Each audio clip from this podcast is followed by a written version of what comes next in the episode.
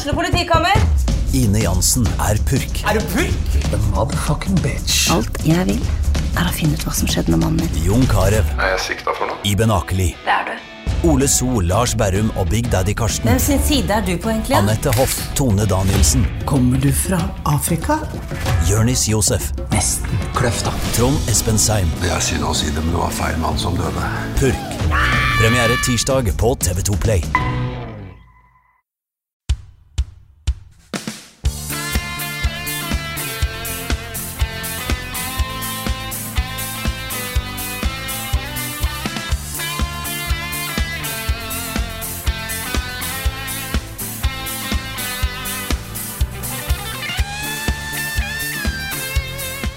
Det jeg ser der framme? Er det Er det en liten flamme? Er det Hva kan det være? Er det den nye Smash-karakteren? Nei, det var bare en ny episode av podkasten Level Backup med meg, Frida Danmo. Med meg i dag har jeg Karl Martin Hogsnes og Rune Fjell Olsen. Hallo, folkens. Hallo! Det var utrolig Hallo, kult hvordan du bare tok neven inn i den flammen, Frida, og så bare dro ut en episode av podkasten. Ja, du, er det er alt jeg får til. Ja. Blir imponert, altså. Ja, nei, Det har jo vært Smash Reveal. Det skal vi snakke litt mer om i neste spalte. Så da spør jeg her, eh, folkens, hvordan går det med dere? Det går bra. Det, jeg føler jeg har veldig mye å snakke om denne uka her. eh, Så det, det kommer vi også tilbake til i neste, de neste spaltene. Men det har vært en, vært en bra gaminguke for meg, altså. Nice. Så bra, da. Ja, Det har det vært for meg også, men jeg har jo da tatt en liten uh, lite avbrekk i all den gaminga. Det har vært på Rondane. En kjapp Ja. tur. To, bare to netter, da. Og veldig sånne milde, milde turer. Vi gikk og så på en foss som var liksom eh, ja, en kilometer unna høyfjellshotellet vi bodde på. Eller vi bodde på hytte, da. Eh, det var egentlig det, altså. Høres greit ut, da. Ja, og så er det pent. Det er digg å se litt natur, liksom. Være litt offline og Mm. Um, så egentlig det eneste vi gjorde med skjermer den, uh, de to nettene, var å låne Netflix-kontoen til en som heter Hilde. Som hadde glemt å logge seg ut på hytta. så det er alltid gøy da å gå inn på kontoen til noen andre og bare fucke opp algoritmen uh, Ja, ja. deres. Finn, finn det særeste, sjukeste de har på Netflix, og så bare sett på Ja, ja, ja. alt.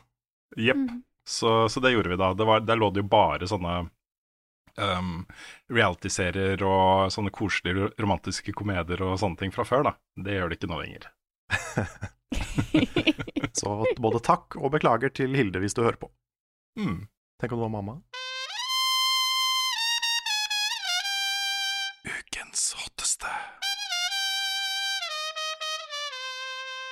Ja, da jeg tisa i stad, var selvfølgelig at det har blitt vist den siste nye karakteren til Super Smash Bros. Ultimate.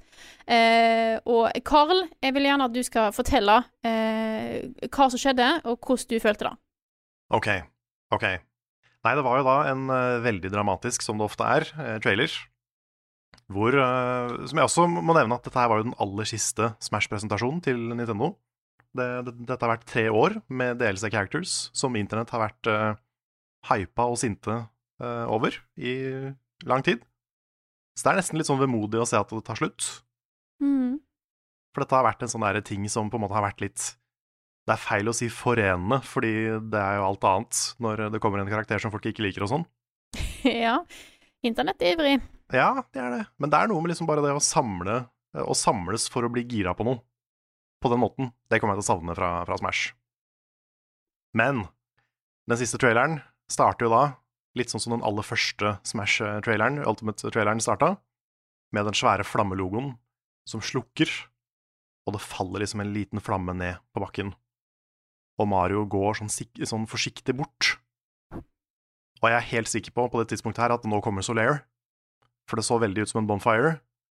Og i hvert fall når liksom Mario eh, kaster liksom handa si inn i flammen. Nå skal liksom Mario link the fire, og så forsvinner flammen bortover. Og blir til et goddamn keyblade, og så kommer Sora ut. Og jeg trodde ikke jeg skulle få en emosjonell reaksjon på en Smash-reveal, men fy fader, ass. Jeg, jeg fikk faktisk litt klump i halsen. Det var best boy, liksom. Ja. He made it. Så det var, eh, det var ordentlig, ordentlig koselig. Dette ble jo vist på en eh, klokka fire på Var det tirsdag? Ja. Og da er jeg på vei fra jobb, så jeg brukte mobildataen min for å se dette her. Eh, og da jeg så dette her kom, så jeg kunne jeg ikke gjøre noe annet enn å bare sende eh, Karl en ivrig melding, for jeg visste Mhm. at dette her eh, var stort for deg. Det var det. Det var det. Det, det kunne ikke vært en bedre siste character for meg. Men det kom jo også fram at det var faktisk den karakteren som vant en poll de hadde på, på Smash nettsida for sånn seks år siden. Mm. Og de har aldri gått ut med hvilken karakter som vant den pollen før nå, da. Så, så de fikk det faktisk til. Dette er den, den mest requesta Smash-karakteren i verden. De sa, de sa jo òg at det var Eller han sa at det var eh, den vanskeligste å få til òg. Jeg vet ikke om det var fordi det er vanskelig å få han rett, eller vanskelig å få lov til å bruke han. Eh, Jeg tror nok det var det siste. ja. Og det, det har jo med Disney å gjøre. Fordi eh, jeg, jeg er faktisk veldig overraska over at de fikk lov å bruke den der Mickey Mouse-keychainen som er på det keybladet. ja, da er sant. Bare det må ha vært et helvete å få den inn i Smash. Men det er også veldig morsomt når du ser på den banen som de har med. Så har du sånne litt sånne mm, Hva heter det, sånn stained glass vindu-kunst som Ja. dukker opp og flasher på skjermen. Og i de bildene eh, De er jo fra Kingdom Hearts-spilla. Men i alle de bildene så har de photoshoppa bort Donald og Langbein. Nei, har de da? Det er liksom bare det er en frukt og en flåte isteden. så, så det er ikke det. De, de, har bare, de har bare sensurert Donald og Langbein. Men det, jeg skjønner jo hvorfor. De, det hadde de ikke fått billig. Eh, nei. Men eh, det var bare litt morsomt da, å se at liksom alle, alle spor av Disney, bortsett fra den ene lille keychainen, er helt borte fra, fra det her.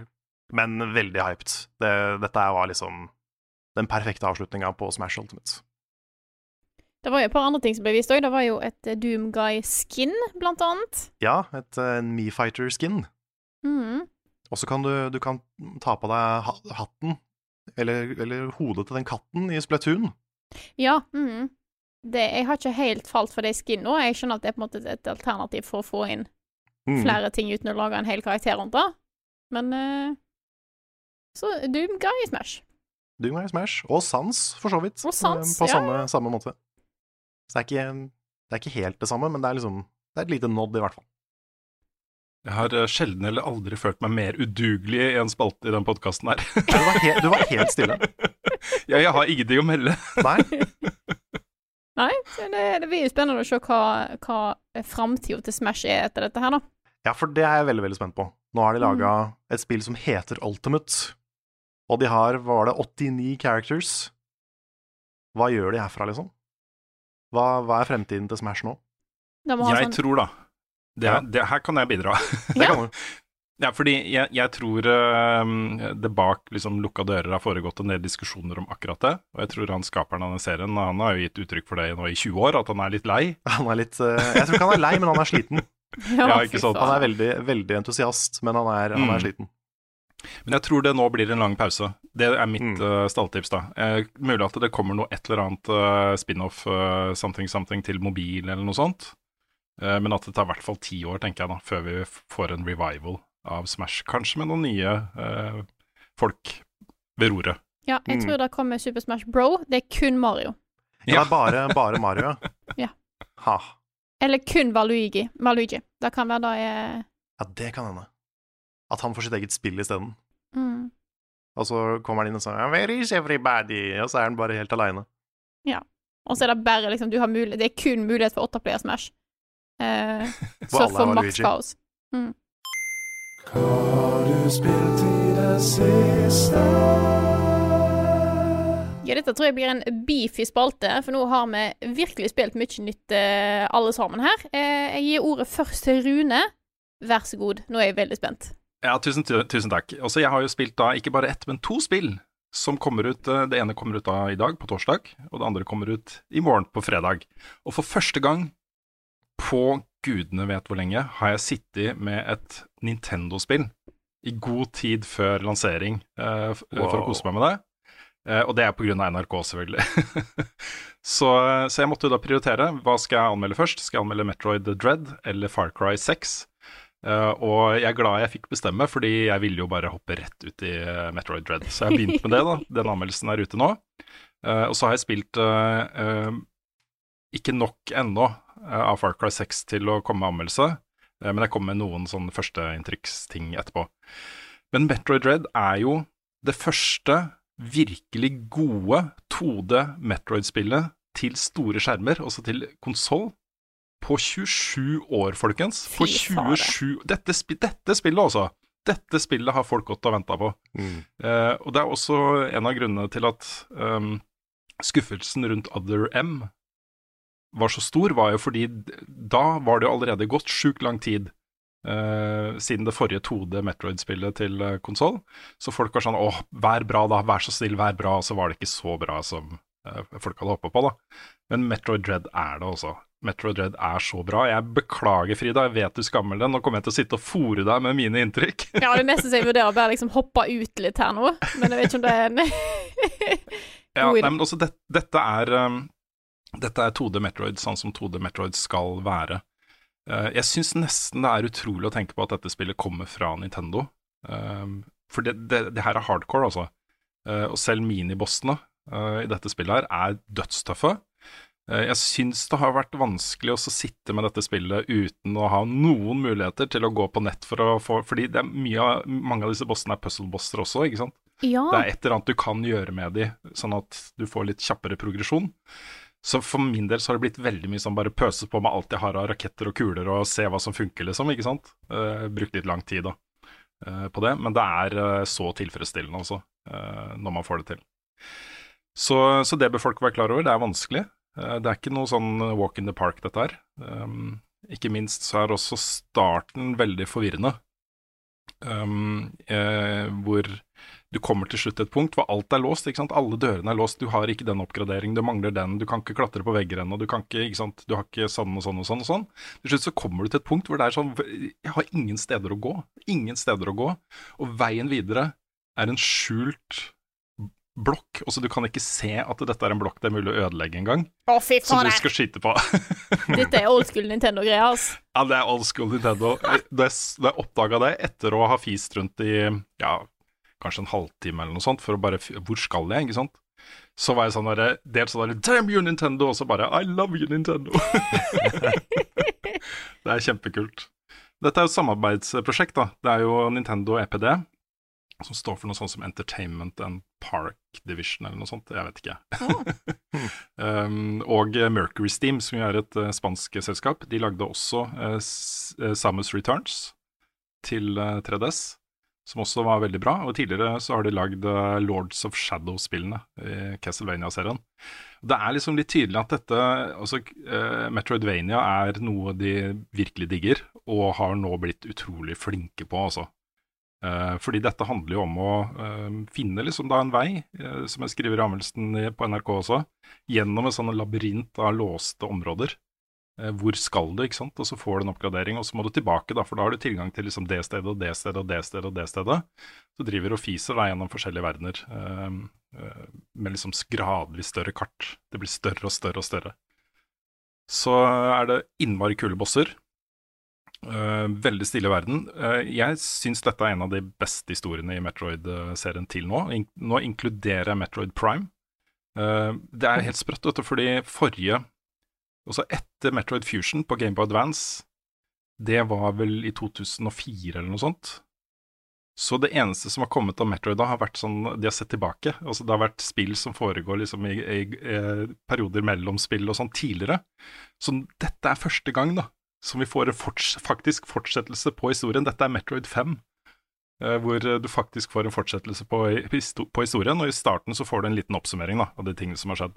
Og historien er veldig veldig minimalistisk. Eh, er ikke, det er jo ikke masse story her.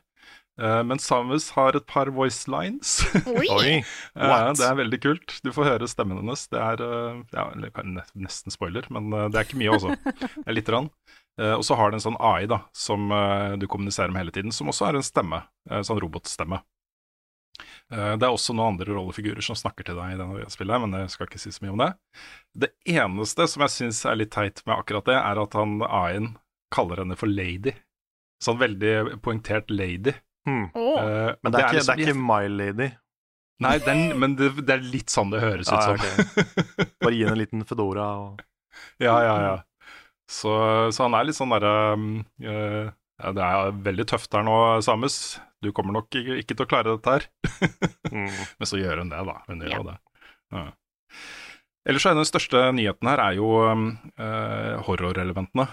På den planeten som du kommer til, så er det utplassert noen sånne um, uh, roboter. Sånn androide, eller sånn uh, Det er sånn hjelperoboter, egentlig.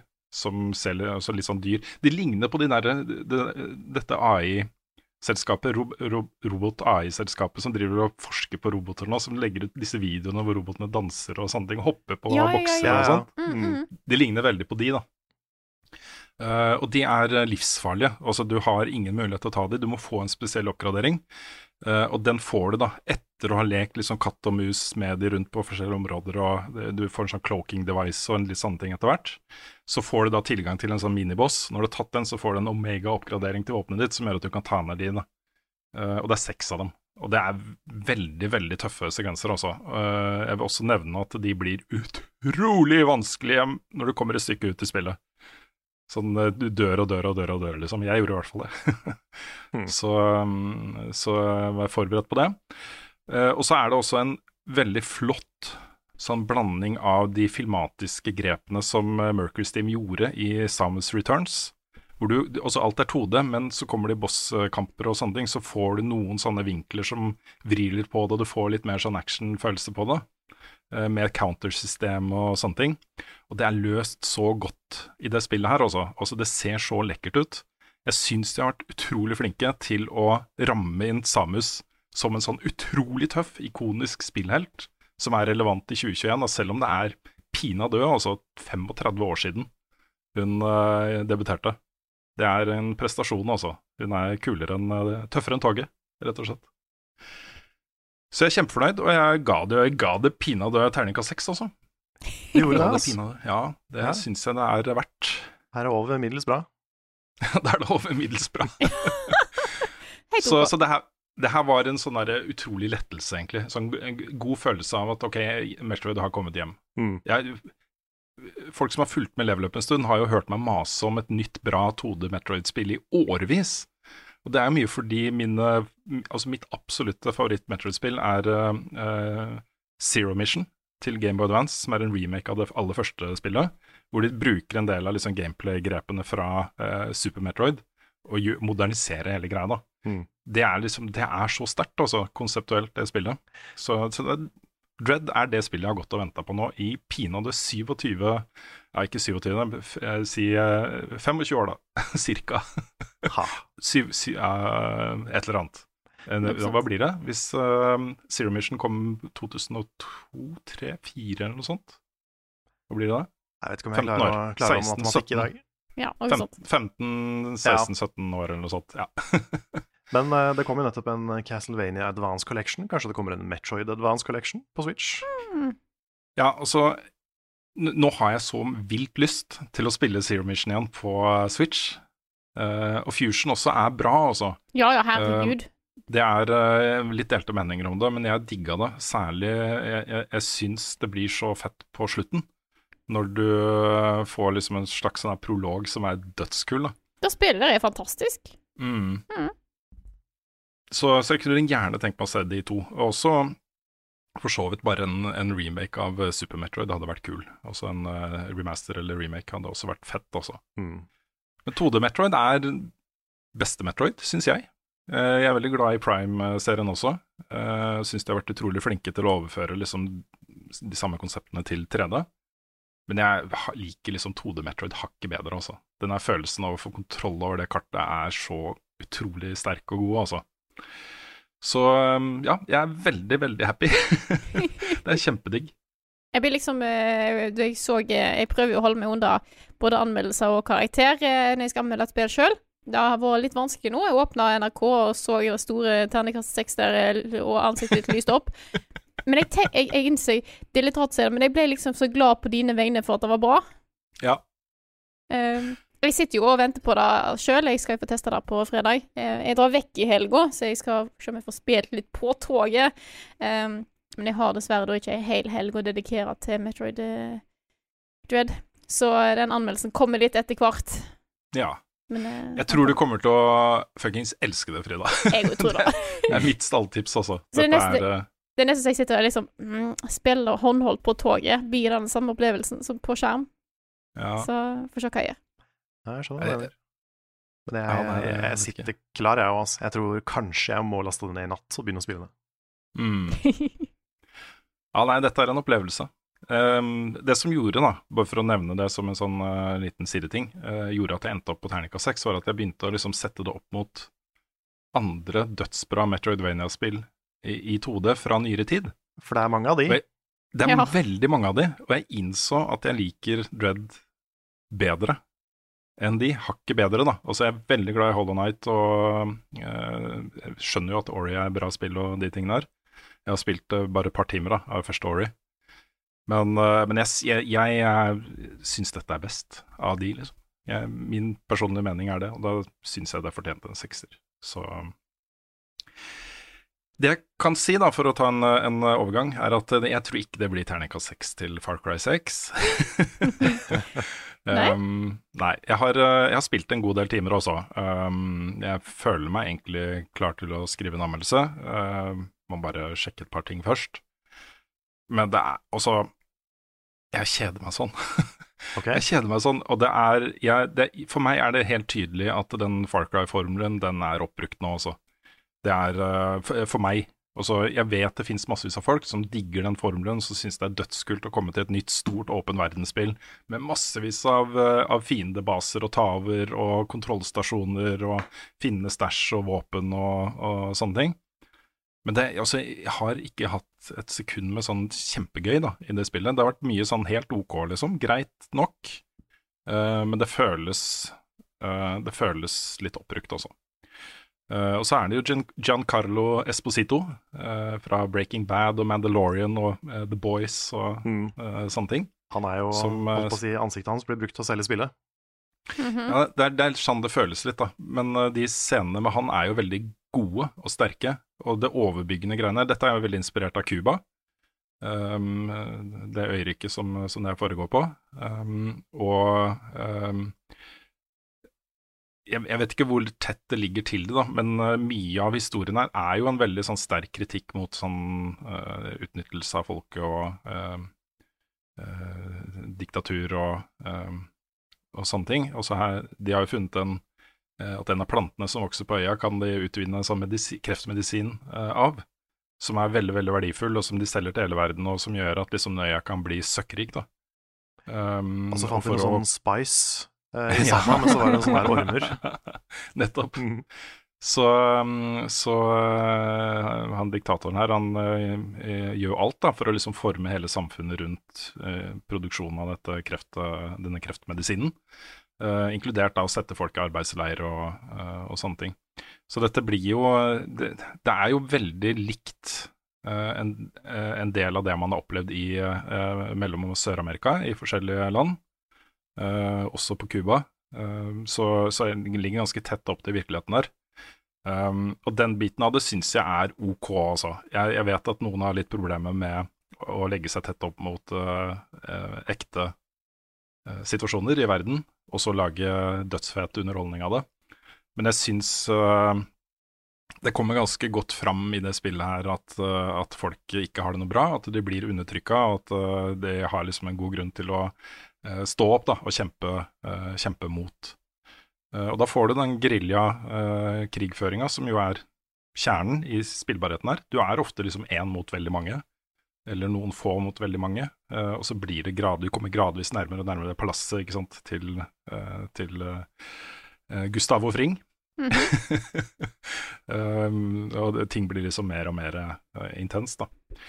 Den biten av det syns jeg er ok, altså jeg har ikke noe stort problem med det.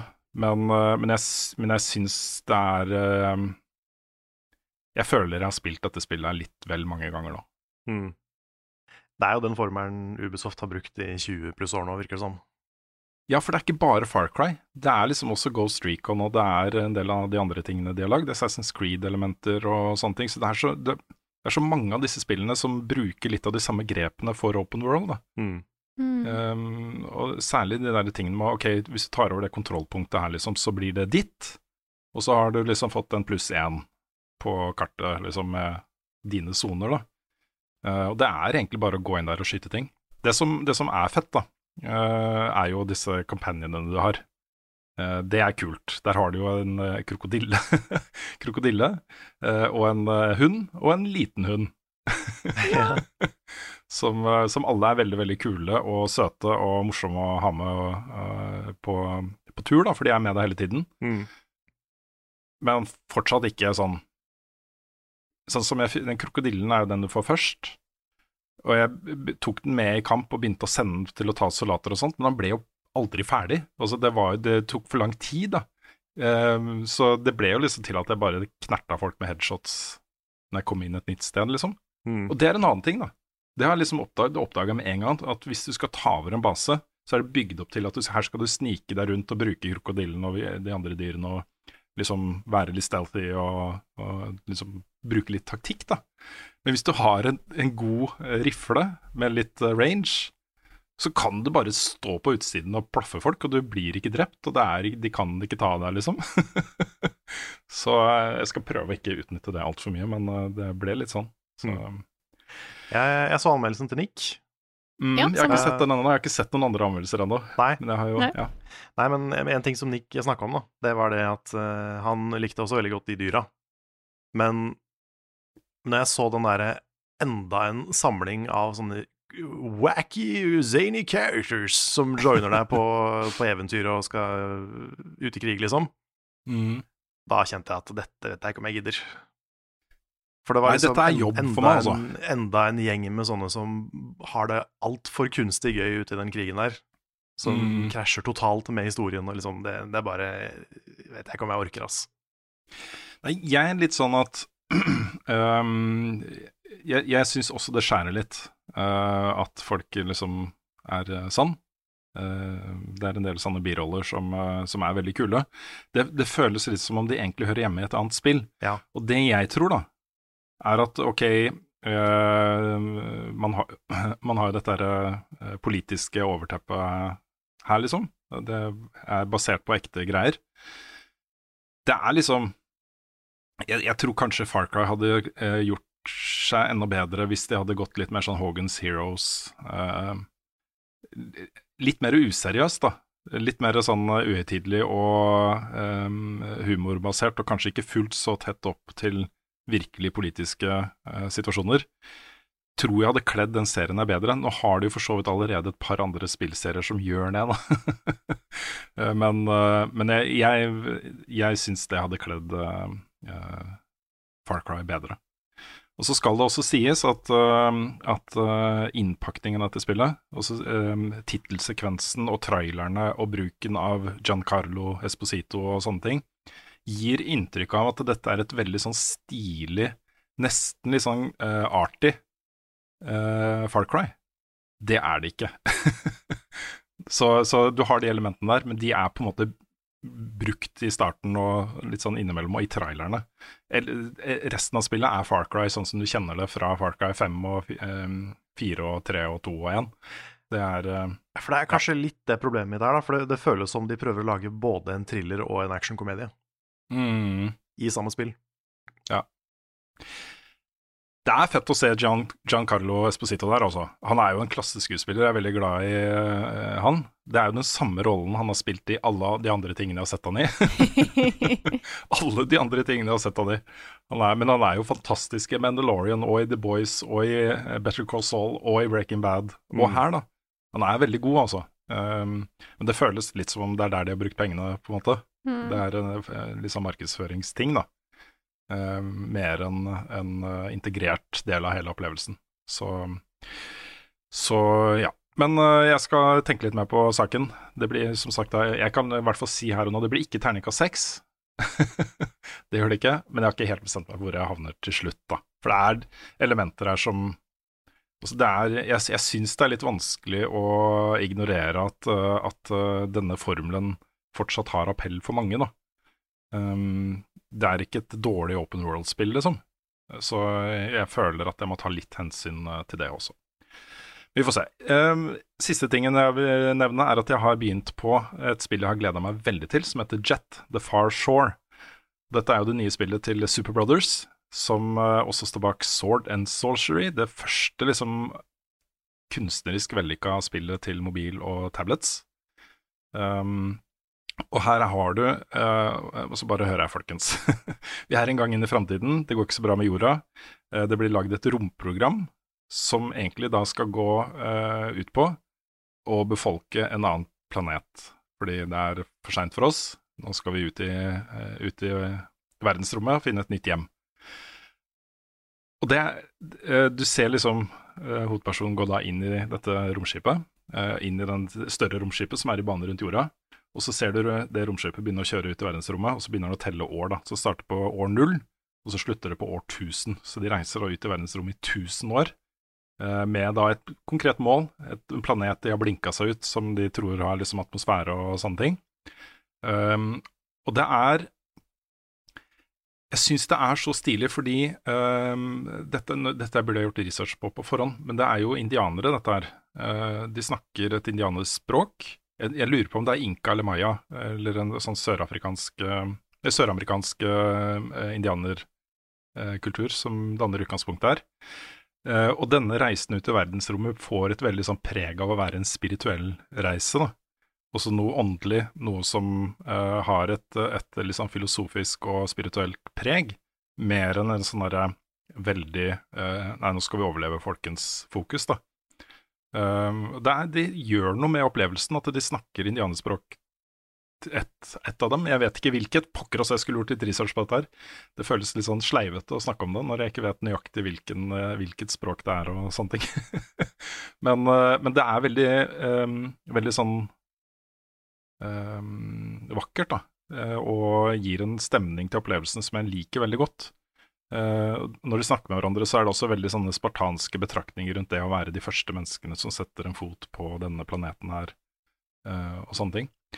Og så er det jo også sånn at når du lander på denne planeten, så er det jo liv der. Uh, mye mystisk liv også. Noen som åpenbart liksom ønsker deg velkommen og prøver å hjelpe deg og sånt. Skapninger som flyr i lufta rundt skipet ditt og leker med deg, liksom. Eh, og andre større, mer skumle skapninger som kanskje ikke er fullt så fornøyd med at du er der. Så det, jobben er jo da liksom å kartlegge planeten, eh, gjøre den beboelig for resten av folka som da går i bane rundt uh, den planeten her, og finne ut hva, hvordan den planeten er. Veldig, veldig veldig happy med innpakningen. Jeg syns den er superflott. Uh, litt sånn stilistisk uh, bruk av grafikk og sånne ting. Uh, ikke fullt så fornøyd med selve gameplayet. Det er mye knot også, med det lille romskipet du styrer på den planeten her. ikke helt lett å gjøre de tingene som du vet du skal gjøre, for du blir stående fast og knote litt. Så det håper jeg gir seg nå. Men jeg skal fortsette å spille, og håper at jeg skal få uh, lagd en anmeldelse av det etter hvert. Fordi, fordi dette er jo du er ute i verdensrommet, utforsking, og du er liksom i No Man's Sky, men i et litt mer sånn indie-arty-farty-innpakning. Det er noe for meg. Det er så, your jam, det er det. It's my jam. Men Farcar først, da. Jeg må få ut den først, og så uh, får vi se. Yes. Ok, Yeah. skal jeg ta over stafettpinnen? Kjør på. Jeg har, uh, som jeg nevnte i starten av podkasten, hatt en ganske bra spilleuke, og det var jo før Sora ble, ble revealed til Smash også. så jeg eh, kan ikke klage denne uka her. Uh, men jeg kan jo starte med å snakke om uh, det jeg har anmeldt, nemlig uh, Imposter Factory. Yes. Det tredje spillet i To the Moon-serien. Og De to første spillene er jo kjent for å være tidenes største grinespill. jeg tror ikke det fins mer sånn emosjonelt tunge spill enn de to. Nesten. Imposter Factory er litt annerledes, i hvert fall, hvert fall i starten. Det, det, er en helt annen setting her, med nye hovedroller og et mordmysterium mordmysterie med en sånn sci-fi timeloop-twist eh, inni der. Du spiller som en eh, fyr som heter Quincy, eh, som møter en eh, mystisk jente som heter Lynry. Og dere er da gjester på den festen her, hvor, eh, hvor da det ekteparet som har invitert dere, dør igjen og igjen og igjen i en timeloop og så skal dere prøve å finne ut hvorfor de dør. Eh, hvem er det som dreper de? Hva er det som, eh, hva er det som egentlig skjer her? Timeloops, altså. Timeloops, det er året for timeloops. Ja. Uh, men det tar jo ikke så lang tid nødvendigvis før det blir et To the Moon-spill. Uh, så, så fort du hører den pianomusikken, så vet du hva som kommer. Er, jeg syns du er så flink til å hinte om det i, i anmeldelsen din. Også. Ja. Sånn, du har ikke lyst til å fortelle for mye, men litt må du fortelle, liksom. ja, ja, fordi det er, feil, det er liksom en feilrepresentasjon av spillet å si at det bare er et mordmysterium. Ja. For det, det er ikke så mye nødvendigvis av spillet som er det. Uh, så det er en ganske stor chunk av spillet som er veldig, veldig to the moon, Mm. kan jeg si, da. Ja. Så jeg har ikke lyst til å avsløre noen plott-detaljer, men, eh, men det er en fortsettelse av eh, det universet. Og det er eh, veldig anbefalt å spille de to andre først. Pluss, hvis man vil, da, eh, noen sånne bonusting. Det er et veldig kort spill som heter A Bird Story, som er en sånn sidehistorie. Og så har de også et par sånne minisodes med de to hovedpersonene fra, fra serien. Da. Så, så kan anbefales. Dette er, dette er veldig gode historier. Jeg syns han skaperen, Kan Gao, er utrolig flink til å skrive. Han har også blitt flinkere, syns jeg. Nå er det, jeg tror det var ti år siden To the Moon, Oi. eller noe sånt. Ja. Jeg har ikke spilt det på veldig mange år, så jeg vet ikke hvor bra det har holdt seg sånn eh, manusmessig, men jeg tror det fortsatt er ganske bra. Men jeg merker også at liksom skrivestilen hans har utvikla seg da, på de ti åra. Så det er, det er kult å se liksom at han fortsetter å bli bedre og bedre og bedre. Jeg så det var en på Discord-kanalen vår også, var det Golden Forth, Som nevnte noe om Det er mulig. at det var, at det var en uh, følger med også, en, eh, en eh, 70 sider lang eh, tegneserie Ja, til uh, dette spillet her. den har jeg ikke lest ennå, så jeg vet ikke hva Nei. den inneholder. Men jeg har hørt noe lignende, i hvert fall. Mm. Men jeg vet ikke om det er en spesiell edition av spillet, eller om du får med den uansett, eller hva. Det har jeg ikke sjekka. Nei. Men det kan i hvert fall anbefales. Begynn på To the Moon, og så bare spill, eh, spill deg oppover derfra. Det er ikke så lange spill, det er Mm. sånn fire-fem timer eh, stort sett. Ja. Så eh, good times. Og så eh, kan jeg ta en, en litt sånn kort ting eh, som nummer to. Fordi det Ja. har kommet en ny demo av Stranger of Paradise. Ja! Dette Ja! Final, Final Fantasy Souls-spillet. Som jeg, Jeg har ikke vært interessert i det spillet i det hele tatt, helt til du uh, la ut eh, det lille klippet, Carl. Ja, ja. jeg måtte dele det klippet her både på Twitter og med dere, uh, fordi det har blitt en meme, uh, and rightfully so, hvor da en, eh, en dame som du møter, har en lang og litt sånn emosjonelt tung eh, forklaring av law og hva som skjer, og hovedpersonen, som da er en vits. Han er, altså, han er en sånn herre Jeg vet ikke om det er med vilje lenger, eller ikke, men, men han er en sånn parodi på en tough guy. En sånn erkeamerikansk, sinna, sur, tøff eh, muskelboy som skal kill chaos, og det er det han bryr seg om. Eh, hører den forklaringa her, står helt stille, sier bullshit, og så tar han opp telefonen sin og spiller metal-musikk, og så går han. Det er så teit! Det er så utrolig teit. Jeg tror de har vært på TikTok også, fordi det er en sånn greie som er der, hvor uh, du har liksom uh, ektemannen, da, eller kjæresten, liksom, som står og filmer seg selv mens kona er i bakgrunnen og gjør et eller annet. Så sier da for eksempel eh, Kjære, jeg har noen gang fortalt deg at jeg eh, elsker pastaen din. Hun står og lager pasta, ikke sant. Mm. Så sier hun nei. Og så sier han eh, et eller annet om ja, det er Nei, hvorfor fortsetter du å lage det, eller noe sånt, ikke sant. Og så tar han på seg solbriller, og så kommer Gangsters Paradise, og så går han liksom i slow motion bort fra henne mens hun kaster pasta på henne, ikke sant. Mulig det er det som er inspirasjon, jeg vet ikke. Ja, det, var, det begynte meg veldig om det, altså.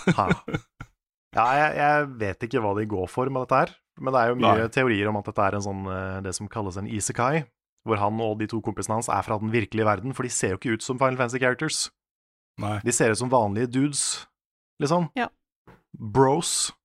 Eh, så så det, er, det, det er veldig sånn rar Det er en veldig rar trio for det spillet her, som er satt i Final Fantasy 1-verden, liksom. Mm. Eh, men det er også, eh, det er også kommet en trailer hvor, eh, hvor han, eh, han sier at han heter Jack Garland. Og Garland er jo da navnet på bad guyen i Final Fantasy 1. Mm. Så det virker som den traileren spoiler hele historien. At, han, at vi, spiller, vi spiller ikke som The Warriors of Light, som de virkelig ikke virker som de er, um, men at vi kanskje spiller som bad guyen. Da. De har tatt en Metal Gear Solid. Det er mulig de har tatt en Metal Gear Solid, men det er også veldig morsomt at han Fordi Garland har jo ikke hatt noe fornavn, og så velger Nei. de Jack. Ja. ja. Det er litt sånn der My name is Greg Sephiroth. Så jeg syns det er veldig rart. Men, eh, men jeg er faktisk spent på det spillet her, fordi eh, jeg har spilt gjennom hele demoen. Det er ganske mye bedre nå enn det var den første demoen. Så eh, jeg vil anbefale til alle som er liksom gira på Souls-like spill, jeg er glad i den formelen, og bare ta en titt på det her, altså. For det begynner å bli bedre. Det begynner å, begynner å være noe her.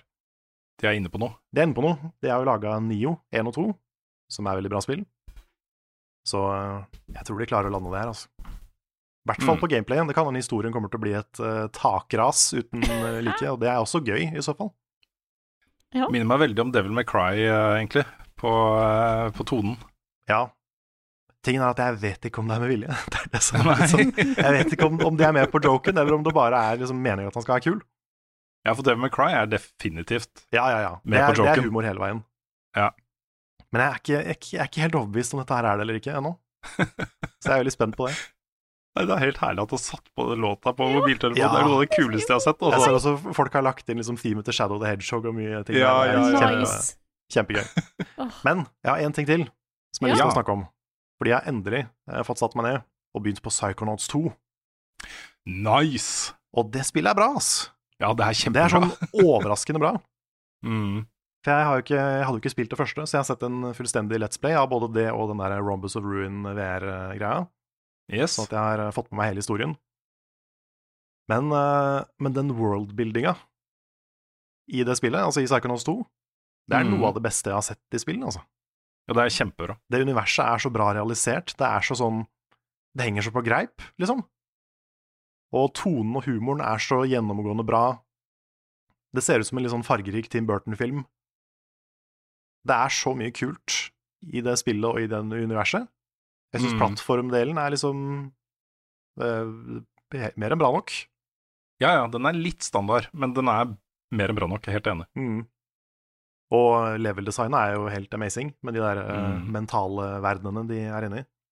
Yep. Det er ganske mange spill som gjør det. Nå, liksom, nå spiller jeg jo Life is Strange, uh, True Colors, som har litt av det. Persona 5 har jo sånne palasser som du går inn i, i, i hodene til folk. Og det mm, Det er bare kanskje den beste måten å løse det på, da. Du har sånne drømme, sånne dreamscapes, liksom, som du kommer inn i. Putter en dør i panna på folk, og så bare går du inn i hodene deres. Det er så bra, og det er så Jeg ble sånn, jeg ble sånn ordentlig gira på det, så nå har det blitt, nå har det blitt et sånn skikkelig kosespill for meg. Åh, det Mm. står på lista mi, altså. Det er en av de spillene jeg skal få tatt igjen før Ja, for det, eh, det her må du spille, Frida. Det er Ja, ja. faktisk eh, dritbra. Jeg, jeg var forberedt på at det skulle være bra, men jeg var ikke forberedt på at det skulle være liksom til contender. Men det begynner å komme seg dit, altså. Ja, der kan du se. Jeg har jo, eh, Mens vi hadde den Film i tull-serien, så var jo liksom Psychonauts var et av de spillene som jeg virkelig hadde lyst til at du skulle få spille, for jeg visste at du kom til å digge den historien. Mm. Det var liksom sånn, det er litt knotete å spille det i dag, da. Det var jo det allerede den gang. Ja. Så jeg var liksom veldig sånn, skal jeg gjøre det, skal jeg ikke gjøre det? så kommer det da heldigvis Psychonauts 2, da, så får du oppleve det universet her, Carl, for det har jeg, unner jeg deg virkelig, altså. Ja, det er et kult univers. Sånn virkelig. Det er eh, Det har en sånn herre Nesten sånn Pixar-kvalitet på måten det blir fortalt og formidla på. Mm. Og det, er, det spillet her er bra på ting som spill veldig sjelden er bra på, på en måte. Mm. Så det har vært uh, Dette- ordentlig kos. Jeg er ikke ferdig med det ennå, men jeg har kommet ganske langt.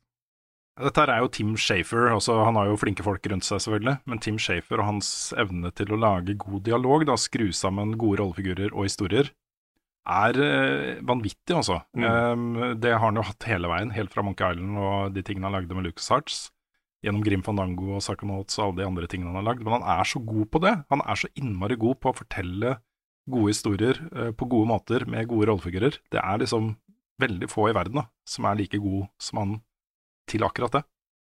Det er helt sant. Og så føles det jo som et stort trippel A-spill. Mm. Det også overraska meg. Jeg var forberedt på et sånn lite, lite sånn intimt indie-prosjekt, men dette er svært, altså. Ja, ja, ja. Det er et stort spill med svære områder og mye, mye utforsking og åpne ting og i det hele tatt. Så um, varmt anbefales. Det kommer til å komme høyt på lista mi på slutten av året. Skal jeg ta det? Kult. Nå kjenner jeg at jeg ble glad, Karl. Ja, men det, det, Inni hele meg. det, var ordentlig, det var ordentlig kult, altså. Mm. Men da tar jeg over. Do it. Jeg har eh, gita eh, dyr i små Fanga i små kuler utover et stup i 300 km i timen. Eh, og jeg har spilt monkeyball. Eh, Ja, det har du selvfølgelig. Det var en veldig fin beskrivende Ja, jeg, jeg er med. Ja. Det er det, er det du gjør. Nei, det er jo et eh, Dette er jo Super Monkey Ball Banana Mania, som er kommet ut som en slags samling av tidligere baner og litt sånne greier i anledning 20-årsjubileet til uh, Super Monkey Ball. Og dette er jo en serie jeg er veldig glad i. Super Monkey Ball 1 og 2 har jeg spilt veldig mye på GameCube. Uh, og det er jo et spill som enkelt kan forklare disse her eh, lekene der du skal ha ei kule som du skal føre eh, ned i liksom rett plass, og ikke dette ned i hullene. Mm. Det er da, bare at kula er en apekatt i en ball. Resident Evil Village også har sånne. Ja, mm, ja. Så, Ikke så apekatten, men, men ja. Nei, dessverre. Kanskje. Så det er en sånn der wacky eh, galskap-greie der eh, du skal veldig forsiktig da styre banen, for du styrer jo egentlig ikke ballen. Du styrer jo selve banen rundt deg, på en måte. ja, det er veldig trippy å se på. Ja, men det, det føles veldig naturlig når en spiller det sjøl. Eh, og det de har gjort nå, da, så vidt jeg kan se Jeg har ikke søkt opp så mye ting, så dette er bare mine, mitt inntrykk her, da, etter å ha spilt et par timer. Eh, de har en story mode. Eh, disse spillene har alltid det, og storyen er bare helt ridiculous, så den bryr jeg meg aldri om. Men de har putta inn da eh, baner fra de første to spillene. Jeg er ganske sikker på at så langt er det bare de første to. Eh, kan være dere på andre etter hvert. Så for meg så er det et veldig sånn kjært gjensyn med veldig mange eh, barna som jeg kjenner igjen. Eh, noen som jeg er glad i, noen jeg syns er dritt. Eh, som jeg jobber meg gjennom og egentlig bare koser meg litt med. Det er alltid kjekt å Jeg liker disse spillene. De er jo egentlig veldig enkle, er, men de, de har en del kule eh, Kule ekstramekanikker. Sånne ting som snurrer, og ting som blir skutt av gårde, og stoppknapper og portaler og litt sånn forskjellige greier. Men i bunn og grunn så er det liksom få get the monkey in the goal. Så, eh, så, jeg, så langt liker jeg det veldig godt, men det, jeg er ikke overraska over det. Innimellom så føles det litt grann wonky. Jeg har gått gjennom Altså jeg Super wonky ball. Ja, Super Monkey Ball. Jeg har eh, Jeg har klippa gjennom et par ting. Jeg har blitt skutt gjennom bakken. Det er sjeldent, men det skjer, og da føles det liksom ikke 100% polished helt ennå. Så Men, men jeg, jeg syns det er gøy. Men det er, jo, det er jo bare de samme banene, så jeg er ikke helt sikker på om det er verdt å ha et nytt spill når jeg bare kan fyre det opp på GameCuben. Så jeg skal ta og undersøke litt mer, finne ut litt mer hva som er her. Eh, og så eh, kommer jeg tilbake til det. Jeg tror ikke det blir en anmeldelse, men eh, jeg kommer til å snakke mer om det når jeg har kommet meg gjennom det. Og så, bare for siste, siste ting, kast ut da. Jeg har fullført Delta Rune. Hei. I'm through. Jeg har begynt å se videoer. Eh, og få med meg alt det jeg ikke har fått med meg. Eh, sånn at jeg er klar til vi skal spille inn Spoilercast ganske snart. Yes. Vi har satt et satt tidspunkt. Det har vi. Vi blir Mhm. forhåpentligvis eh, fire stykker som er med. Mhm. Så da er bare til å glede seg til. Da gleder jeg meg veldig til. Jeg òg. Jeg gleder meg til å få prate om det spillet endelig ordentlig. Det har jeg fortsatt ikke fått gjort. Nei, samme her. Det er jo litt eh, Det er et spill eh, med galskap blanda sammen, og inneholder veldig mye spennende. Så jeg tror Vi har allerede snakka mye om Delta i denne podkasten her, så jeg tror jeg, jeg gir meg der. Men jeg gleder meg til Spoilercast. Same. Du må jo også nevne da at uh, den anmeldelsen din av Kana ble Ja. veldig fin. uh, Det ble veldig bra, ble veldig bra. Tusen takk. Eh, det er sånn jeg innså eh, jeg har, jeg, Siden jeg har holdt på med han en stund nå, så kom jeg til det punktet at nå måtte han ut, for nå begynte jeg å bli, eh, bli lei av anmeldelsen min. Mm, jeg skjønner hva du mener. Been Det var et uh, veldig bra manus. Jeg blir uh, veldig glad da når jeg ser en sånn video. Det var kjempefint. Tusen takk. Og da kan jo jeg gå tilbake igjen og lese din anmeldelse òg, Rune. Det har jeg jo Ja. fast ikke gjort. Ja, det er sant. Men det, er jo, det har vært litt sånn anmeldelsebonanza på kanalen denne uka her. Så det Ja. er tre nye anmeldelser på kanalen, og veldig mange anmeldelser på NRK, som Rune har skrevet. Så check a look. Det var tre anmeldelser hos oss på under 24 timer. Ja, det var det Mm. faktisk. Mhm. Så der, hvis du ikke har fått med deg dem, så er det bare å sjekke ut eh, Carl sin anmeldelse av Imposter Factory, min av Kana, og Nick sin av Far Cry 6. Kos dere.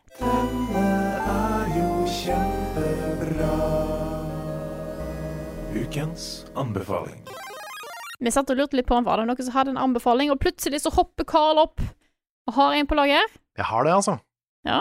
Og det, nå skal jeg prøve meg på noe som er så, så sketchy som en medisinsk anbefaling.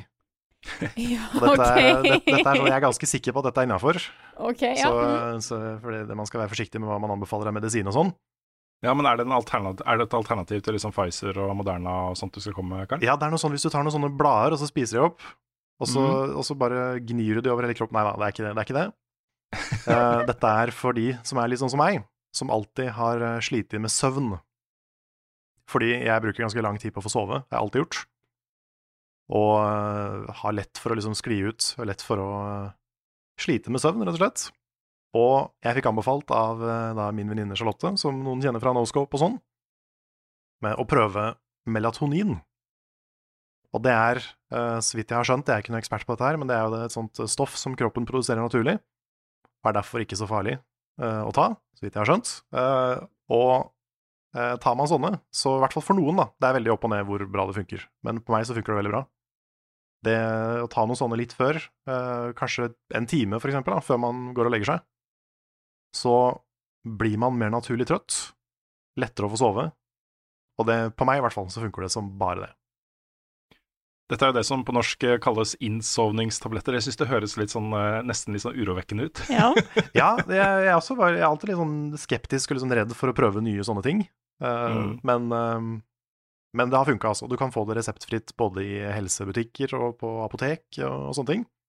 Så Mm. i og med at du kan kjøpe det vanlig over disken, så regner jeg med at ikke det er så farlig. Nei, det er som du sier, jeg også, eh, det er det eneste sånne sovetablettene jeg har brukt, er det, da. Mm. Som, som har melatonin. Fordi det er, som du sier, eh, også den trigger egentlig bare naturlige prosesser i kroppen din. Ja. Som er der fra før. Nettopp. Så eh, Mm. det funker for meg. Håper det funker for andre. Verdt å prøve. Ja. Og så er ulempen da at du får jo Det er jo sånn 5G-chip i den også. Ja, Mm. eh, så har jeg hørt at du får sånn eh, 2% mindre tiss for hver gang du Her kommer nyheter med Rune Fjell-Olsen, og han har ikke hår. Før jeg går gjennom ukas viktigste nyhetssaker, så vil jeg bare nevne at hvis, eh, hvis noen har lurt på hva den der sprettelyden er gjennom podkasten, jeg vet ikke hvor mye det slår ut, men det er da det er hunden min som leker med seg selv. Og har en sånn ball da går rundt på gulvet, og så slipper hun den, og så ruller den bort, og så dytter hun på den som en fotball, og så, ikke sant. Så hvis det er mye sånn sprettelyder, så er det det det er, da. Ja. Så, Playing Ja. fetch by itself. ja. Ja. Eh, jeg sa også nei tidligere i podkasten, som du sikkert har klippet bort eh, nå, Carl. Men det var da hunden som spiste på et eh, blad, et av bladene til Ja. Jeg har Ja. mest sannsynlig tatt det bort. Ja, mest sannsynlig. Ellers har jeg lagt inn et sted hvor det er veldig lite appropriate. Ja, ja, bare sånn nei. Når du sa blad, så tenkte jeg liksom et blad fra et tre. Tenkte jeg, det, Nei, nei, nei. Ja, men så Donald Pocket. Ah. Donald Pocket. Mm. Men all right. Twitch har blitt hacka. Um, uh, det er omfattende. Det er alt. De har henta ut alt. Mm. Alt som har med Twitch å gjøre. Hele historien uh, til Twitch. Ja, Mhm. men de har holdt seg unna brukerdata. Altså informasjon om brukerkontor, faktiske brukerkontor, er ikke med i den lekkasjen. Og hele Twitch ligger jo nå ute på eh, sånne fildelingstjenester. Eh, og der ligger da hele kildekoden til hele Twitch. Eh, det ligger oversikt over utbetalinger til streamere helt tilbake til 2019, som folk har lagd oversikt over. Jeg så det var oppe i 8-9 millioner dollar på et par av de største, XQC og Uff. Eh, Hva var den andre? Critical Role var høyt oppe. Role var men det er jo et, det, det er på en måte det blir om, men det er noe som har gjort til matten. for Det er et stort team. Det var ikke så mye per perse. Ikke så mye per pers, nei. Nei. Men XQC, da, største enkeltstreameren med over 8 millioner dollar Mm. utbetaling da, siden uh, 2019. Ja, hvis du, har, Um, hvis du har stor solobutikk på Twitch, så kan du bli rik. Ja, nettopp. Eh, det ligger også klientene til både desktop, mobil og konsollversjonene av Twitch, appen liksom. Det ligger forskjellige software development kits og andre verktøy da, som de bruker internt til å få ting til å funke eh, i klienten. Eh, det ligger en ikke utgitt Steam-konkurrent fra Amazon Game Studios ligger i eh, lekkasjen, osv. Og, og eh, dette blir jo da beskrevet av de som har gjort dette her, som er da selvfølgelig anonyme, eh, som et forsøk på å liksom disrupte streamingverden streaming-verden. ved å på en måte eh, avkle Twitch da, og åpne opp for at kanskje andre aktører kan komme inn på markedet der.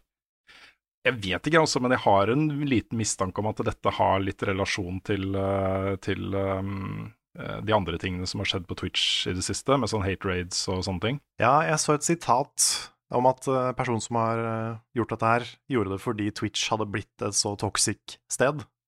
Ja, nettopp. Mm. Ja, dette er jo en, eh, dette er jo en selvfølgelig en stor sak. og Jeg, de første rapportene som kom, ble litt stressa, fordi uh, vi har jo Twitch-kanal. Den er viktig for oss. uh, ikke minst eh, tanken om at noen andre skulle ta over den kanalen og begynne å gjøre ting, hadde jo potensielt da kunne skade oss ganske mye. Ikke, ikke pengemessig, kanskje, selv om det også hadde svidd, men sånn renommémessig og, um, og sånt, da. Mm. er, det er ganske skummelt. Hvis folk begynner å endre bilder og, um, og sette i gang streams av ting som ikke vi har, altså hentai og sånne ting, liksom. Ja, Ja. altså den streamkeyen er jo viktig å ta vare på for alle som streamer. Mm. Ja. For, den, for noen den, så kan de streame på kanalen din. Mm. Men eh, sånn etter hvert som eh, detaljene om dette ble eh, litt mer kjent, da, så, så er jeg, akkurat den biten er jeg ikke stressa på lenger. Men det er litt sånn, altså har man butikk på nett, driver man business på nett, som jo for så vidt Twitch-kanalen vår også er, da, det er jo en del av businessen vår, liksom, så er man sårbar for denne type ting som dette er. Så nok, nok en gang, da, alle, alle gangene dette skjer, skru på tofaktor-autentisering, folkens. Kanskje bytt passordet ditt hvis du eh, ikke har gjort det på en stund. Eh, Men i hvert fall tofaktor-autentisering. Det er jo helt essensielt nå på nett. Og de som ikke har det, har jeg nesten, ja, de har jeg ikke lyst til å bruke, liksom. Så det har jeg på alt jeg kan, Mm. rett og slett. Mm. Ikke noe dobbeltsjekka at jeg faktisk hadde det på Twitch også, det hadde jeg. Så, så den er grei. Vi har jo allerede vært innom uh, såra til Smash, eh, men det kommer jo en annen nyhet i forbindelse med dette, her, og det er at hele Kingdom Hearts Trilogy også nå kommer til Switch. Eh, Via cloud streaming, Eh, det syns jeg er litt morsomt. Den pakka kommer da til å hete Kingdom Hearts Integrum Masterpiece. Integrum masterpiece. Eh, Det, Integrum Masterpiece. Ja. jeg vil jo sterkt anbefale alle som kan, å spille det på noe annet enn cloud streaming på Switch. Eh, sånn egentlig. For nå har jo alle Kingdom Hearts-spillene kommet til PC, de har kommet til PlayStation, Xbox. Så jeg ville nok kanskje ikke Med mindre du måtte, da. Vil jeg Ja, hvis du bare har Switch. Ja, hvis du bare har Switch, så går det an å prøve. Men uh, Mm. da er du liksom avhengig av en stabil nett-connection, og at ikke det er lag og, og sånn. Mm. Jeg tror ikke det er helt optimalt å spille det på en sånn eh, stream-måte, altså. Nei. Det er eh, veldig sånn action-preg, så hvis du får input-lag, så ødelegger det ganske mye. Mm. Mm. Vi har også fått avdukingen av et nytt spill fra Ubisoft, nemlig Ghost Recon Frontline, som er et free to play-spill for inntil 102 spillere. Eh, der er det to, to modes. Det ene heter Expedition, eh, som er da for eh, 102 spillere. Det er da tremannsteams eh, teams som kjemper mot hverandre. Og så har du Control, som er ni mot ni, og poengbasert. Det er, det er en litt sånn spennende trend dette her nå i skytespillsjangeren, som jo selvfølgelig er eh, kickstarta av, eh, av uh, eh, Fortnite og eh, alle disse her. Altså alle gratis uh, skytespill for veldig mange spillere. Nå får du jo gratis uh, Også multiplier-delen av Halo Infinite blir også free to play. Uh, dette her blir free to play. Call of Duty Warzone free, free to play. Alt er liksom laget da, for å bare trekke inn så mange spillere som mulig og så tjener de penger på mikrotransaksjoner og sånne ting på toppen av det. Så um, jeg vet ikke. Jeg syns, uh, jeg syns for så vidt uh, Frontline så ok ut. Uh, vet ikke hvor trangt det markedet her kommer til å bli nå. Det er mange aktører. Og noen av de mer spennende kommer liksom fra sånn indie early access-greier på Steam og sånt også. Så, um, så det er skarp konkurranse, altså. Uh, blir spennende å se. Vi har jo hatt masse fram og tilbake når det gjelder The International, som jo er den årlige Dota 2-turneringen til Valve, som først skulle til Sverige, men som da ble flytta til Romania fordi eh, Sverige ikke ville gi et fritak eh, på visum til e-sportutøvere. Det kom ikke noen beslutning på det, så da flytta de bare hele greia til uh, Bucuresti i Romania. Nå er det eventet eh, avlyst pga. Av et eh, nytt covid-utbrudd i Romania. Og eh, Romania er jo det landet i Europa som har nest lavest eh, andel av eh, vaksinerte innbyggere. Hmm. Så når det først kommer et covid-utbrudd der, da, så har det en mer dramatisk effekt enn det har i mange andre, mange andre land. Så alle de som har kjøpt billetter til det, eventet, får nå pengene sine tilbake. Eh, eventet blir i år offline, eh, eller vil si det blir eh, uten publikum. Um, og så satser vi på å komme sterkere tilbake neste år, da. Så, men dette er jo The International er jo kanskje den største uh, e-sport-greia i verden. Det er jo helt vilt og så, eh, kult å se på, som publikum, liksom. Den eh, eh, produksjonen av den, de finalene der er bare helt vanvittig. Da. Det er kjempekult. Du kan til og med gå inn i VR eh, og se disse kampene. Det er kjempestilig. Så mm, eh, ja. Så sånn er det. Det har kommet en ny eh, database på nett som jeg syns er veldig, veldig kul. Den er, altså Adressen er accessiblegamesdatabase.com. Accessiblegamesdatabase.com. Ingen uh, punktummer eller noe sånt mellom uh, der, bortsett fra .com. da. det er rett og slett en database over uh, grep for tilgjengelighet som er gjort i spill. Så hvis du har nedsatt syn eller hørsel eller bevegelsesfunksjoner eller noe sånne ting, så kan du gå inn der, og så kan du få alle detaljene som går på det, på de forskjellige spillene. Er dette spill du kan faktisk spille eller ikke? Det er flott, altså. Og det var en av de tingene jeg merka meg med Far Cry 6 også, som en veldig positiv ting. Før du i det hele tatt fikk starte spillet, så måtte du innom en sånn meny, hvor du kunne skru på hjelpemidler eh, dersom du hadde behov for det. Det er flott å se, altså, at spill gjøres tilgjengelig på den måten. Og den databasen her tror jeg kan bli en uh, utrolig flott og viktig ressurs eh, framover. Så, um, så den vil jeg gi en liten shout-out til. Hell yeah. Mm. Sony har vært ute og kjøpt et nytt studio, denne gang Bluepoint. Ja, dette her ble jo lika for lenge siden, egentlig. Ja. I et sånt bilde som bare Sony publiserte, tror jeg, på Twitter eller noe sånt. Ja, stemmer det. Welcome to the family, og så var Bluepoint der. For det skal egentlig være en annen logo, skulle det ikke det? Jeg tror ikke den logoen skulle være der i det hele tatt. Nei, jeg tror ikke det. Altså, det var i forbindelse med. Det var i forbindelse med Housemark, var det ikke det? At de kjøpte Housemark. Jo, Ja. jeg tror det. Så dukka Bluepoint opp også. Men nå er det offisielt, i Mm. hvert fall. Ja, de har jo kjøpt masse studioer i det siste. Helt åpenbart eh, et eh, svar på oppkjøpene Microsoft har gjort Mm. uh, i nyere tid. Um, det som jeg syns var litt interessant her, var jo at det blir jo sagt i forbindelse med den annonseringen at de kjøper Bluepoint, er at det neste spillet deres er et eget, helt nytt prosjekt, og ikke en ny remake. De har jo lagd remake av Demon Souls og Shadow of the Colossus, eh, og gjort en utrolig flott jobb med det, da. Så folk har jo gått rundt sånn Kan de ikke gjøre noe med liksom Dark Souls eller, eh, eller Metal Bloodborne. Gear eller Bloodborne. Bloodborne, eller, Mm. altså, ikke sant? Eh, men det er noe annet, da. Kanskje de jobber med flere ting, jeg vet ikke jeg også. Men uh, virker som en naturlig god match, da, dette her. Mm. Det går jo rykter om at Bluepoint jobber med en Bloodborne remaster, det, mm. men det gjør det jo alltid. Det går jo aldri, det går aldri ikke rykter om en Bloodborne remaster, så jeg vet ikke hvor, Nei, det er sant. hvor, hvor lett det skal være å tro på det. Nei, Det jeg har fått med meg når det gjelder Bloodborne, er jo at øh, øh, folk har jo hacka seg til 60 FPS på PC. øh, eller sånn i, i modda versjon da, av spillet, liksom. Ikke på PC, men Ja, men kan du emulere PS4 nå? Går det? Ja, det vet jeg ikke. Nei. Det vet jeg ikke. Men, men i hvert fall det som har blitt sagt om kildekoden der til det spillet, er at man må inn og gjøre en ganske omfattende jobb, da. For å låse opp frameraten 100% overalt, liksom, til å være 60 overalt. Mm. Uh, og at den er liksom ganske sånn eh, smal, da, den eh, koden. Så Ja. Det var jo sånn med Dark Souls 2 at en del ting var hardkoda inn med frames. mm, Sånn som durability. At hvis du hadde høyere framerates, så gikk durabilityen fortere ned, f.eks. Og Ja. det handler jo om hvordan spillet er satt sammen.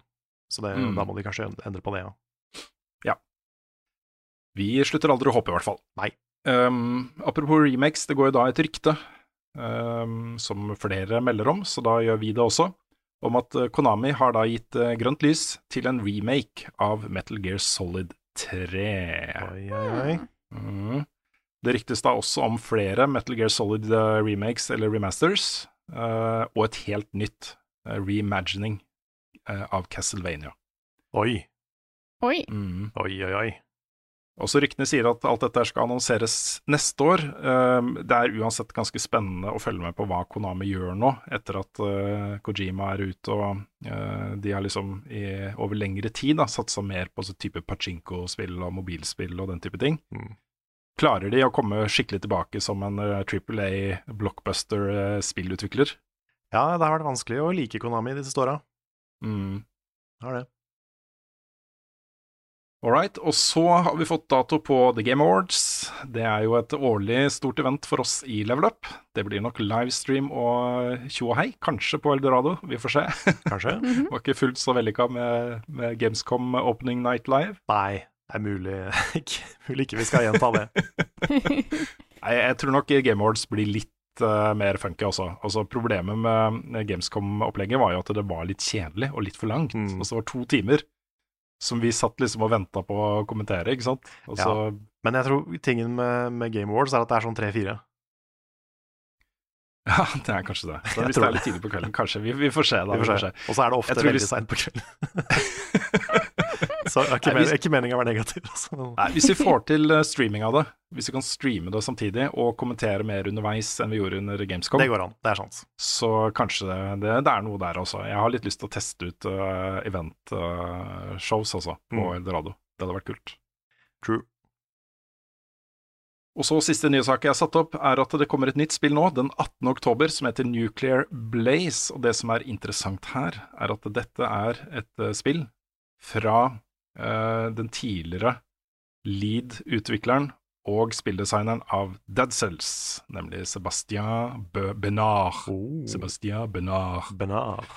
Mm. Dette er et sånn firefighting-spill. Du er en brannmann og skal inn da i bygninger og, eh, og eh, kontrollere brannen og redde mennesker og sånne ting. Eh, Det er litt interessant at det er en egen dedikert kid-mode her, eh, som er laget for barn eh, på tre år, liksom. Oi. Sånn at de også kan spille dette her. eh, Hvor alt da blir tilpassa, sånn at de får mer et sånt eventyr om å slukke branner enn eh, enn en litt mer sånn hardcore Dead Cells-opplevelsen som kanskje folk forventer da, når det er et nytt spill fra han. Hm. Så eh, 18. oktober på den også. Jeg tenker eh, i og med at eh, du, Carl, og mange andre er så glad i Dead Cells, så kan det være verdt å sjekke ut eh, det. Absolutt. Uh, hva kommer egentlig nå? Jeg har ikke peiling. Hva kommer nå? Jeg eh, hører rykte, Carl, om en wildcard som ikke er en quiz. Det er ikke en quiz, det er sant. Oi. Så hva, hva kommer egentlig nå? Hadde jeg godt spørsmål?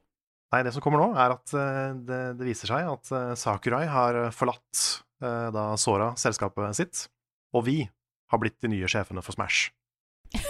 Ja! Eh, og måten det her funker på, er at vi skal godkjenne eh, nye characters til da det neste Smash, men vi får dem i eh, pakker på tre, og vi må velge én av de. Mhm. Det er sånn det funker. Så, Ja. okay. eh, og dette er litt sånn, i hvert fall starten, så er det basert på spillserier.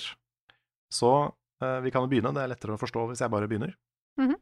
Eh, fra Mario-serien kan vi greenlighte én av disse tre karakterene. Enten Valuigi, en Goomba eller Paper Mario. Valuigi. Waluigi.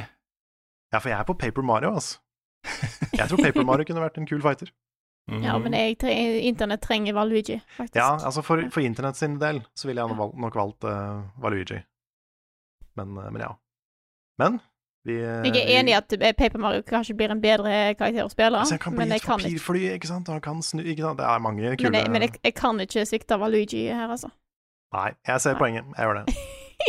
Fra Zelda-serien kan vi greenlighte enten Skull Kid, Midna eller Girahim. Altså Skull Kid fra Majora's Mask, Midna fra Twilight Princess eller Girahim fra Skyward Sword. Jeg er så glad i Midna, jeg, altså. Ja, jeg òg. Aldri Girahim. Nei, jeg mener det. Ja. Det Han, han er litt for sær for meg. Han er sær, han er det. Han er veldig, eh, veldig teatralsk. Ja. Men jeg liker han litt på grunn av det. Ja. Men nei. Nei. jeg, jeg tror, tror Midna vinner den, altså. Og så, fra Sonic, Oi. Tales, Shadow eller Robotnik slash Eggman. Oh, you know what I need. Mm. Det, det, det må jo være Shadow. Ja, det er Shadow, altså. Ja.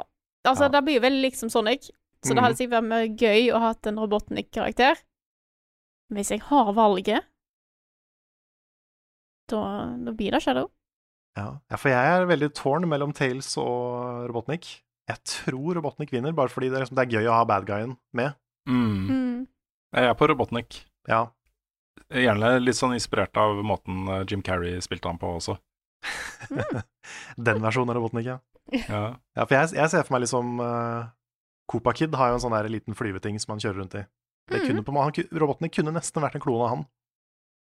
Mm. Men vi går videre. Pokémon. Ja. Uh, her har jeg valgt da Du kan velge enten Arceus, Psyduck eller Ditto. oh. Ditto blir jo en litt sånn Kirby-karakter, da. Ja, for det er det jeg tenker, at kanskje Ditto er kult. Mm. Det, jeg vet ikke om du har noe kjennskap til Ditto, Rune, men det er en Pokémon som kan bli til alle Pokémon. Bli til alle Pokémon, jeg vet det. Ja, Mhm. Jeg får eh, mye, mye Pokémon-info av eh, Pokémon-ekspertisen i familien her. nice. Det er bra han gjør Mm. jobben. Det, nei, men, um, men fordi Kirby har jo den greia hvor han kan liksom få en ability. Men hvis du er Ditto og får liksom hele karakteren, ikke sant, det er noe der. Mm. Kanskje det er kult. Ja, Psyduck er kanskje min favoritt-Pokémon-figur, da. Psyduck er morsom.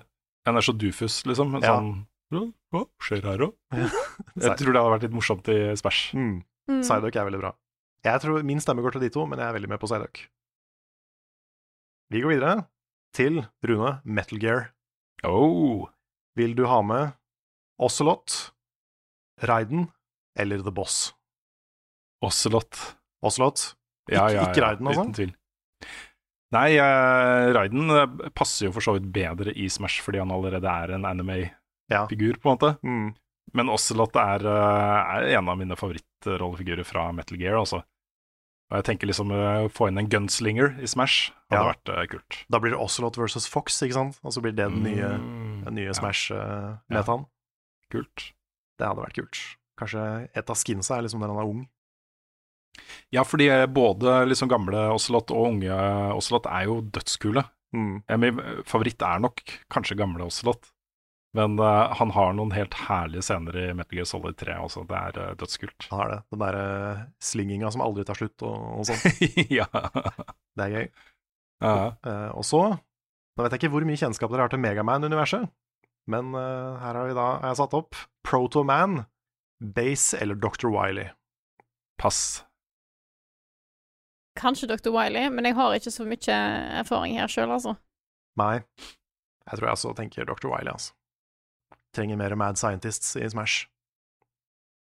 Og så har jeg noen wildcards. Oi, ja. Uh, Master Chief, Kratos eller Rayman. Jeg har tenkt på at Rayman er en passende Smash-karakter i lang tid. Mm. Han er nok den som passer best. Ja, Men Tenk deg den havocen som eh, Kratos kunne gjort i, eh, her, da. ja akkurat da. Mm. Med Leviathan Axe og Blades of Chaos og Han har et potensielt moveset. Mm. Han er det. Mm. Jeg tror det hadde vært mye kulere enn Master Chief. Jeg vet at mange har lyst på Master Chief. Men, Master eh, Chief tror jeg hadde blitt en litt sånn standard, uh, forutsigbar uh, figur her. Ja, han Mm. kunne nesten vært en sånn Me-skin, Ja. Mm. på en måte, med, med Ja. guns.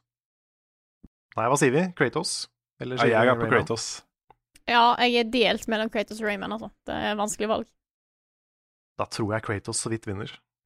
Mm. Det er en ny wildcard. Phoenix Wright, Krono fra Krono Trigger, eller Dante. Dante all the way, ass. Ja, kanskje, kanskje urettferdig eh, satt opp. Dante er kanskje den kuleste der. Jeg har litt lite input på akkurat disse her, altså. Ok. Ja. Da tror jeg Dante vinner. Selv om Krono hadde jeg hoppa i taket av, jeg må innrømme det. Så, så skulle jeg bestemt aleine, så hadde jeg valgt eh, Krono. Um, wildcard nummer tre. Spyro, Crash eller Ratchet Clank. Ratchet and Clank, tror jeg. Mm. Som en sånn kombo, sånn som Banjo Ja.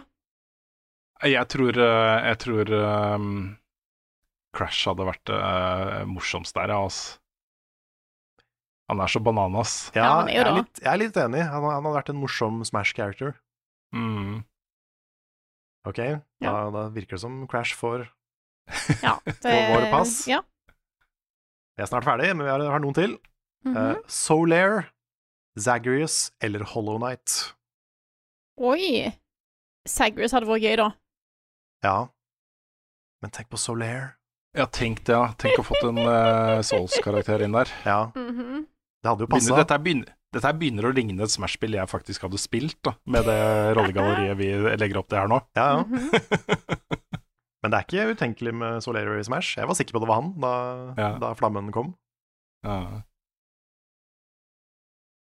Ja, nei, men både Alle de tre er jo dødskule, da. Mm. Jeg er nok på Solera altså. Jeg er det. Ja, jeg også er det. Ok, vi har to igjen. Mm -hmm. Dette er wildcard nummer fem, og dette er den, eh, det, kanskje den mest wild, den wildeste carden. Mhm. Monica fra Doki Doki Tetris, tolk som du vil, eller Sans som en faktisk character. Ja. Jeg vil se Tetris. Ja. Ah, jeg, vil ha, jeg vil ha Monica, jeg vil ha de der glitcheting og og sånne weirde horrorelementer og sånt. Ja, det hadde vært fett, altså. Jeg tror kanskje hun hadde vært den beste karakteren der, så jeg tror jeg òg er på Monicas side, altså. Da blir det Da blir det visual novel horror smash. Og siste. Dette er eh, card som er så wild at noen må gripe inn. OK. Det aller siste. Kermit, snurresprett eller Mummitrollet. Kermit. Fa elsker Kermit. Kermit, Kermit ja, samme her. Ja, dere, dere mener det? Ja. Ja. Ja?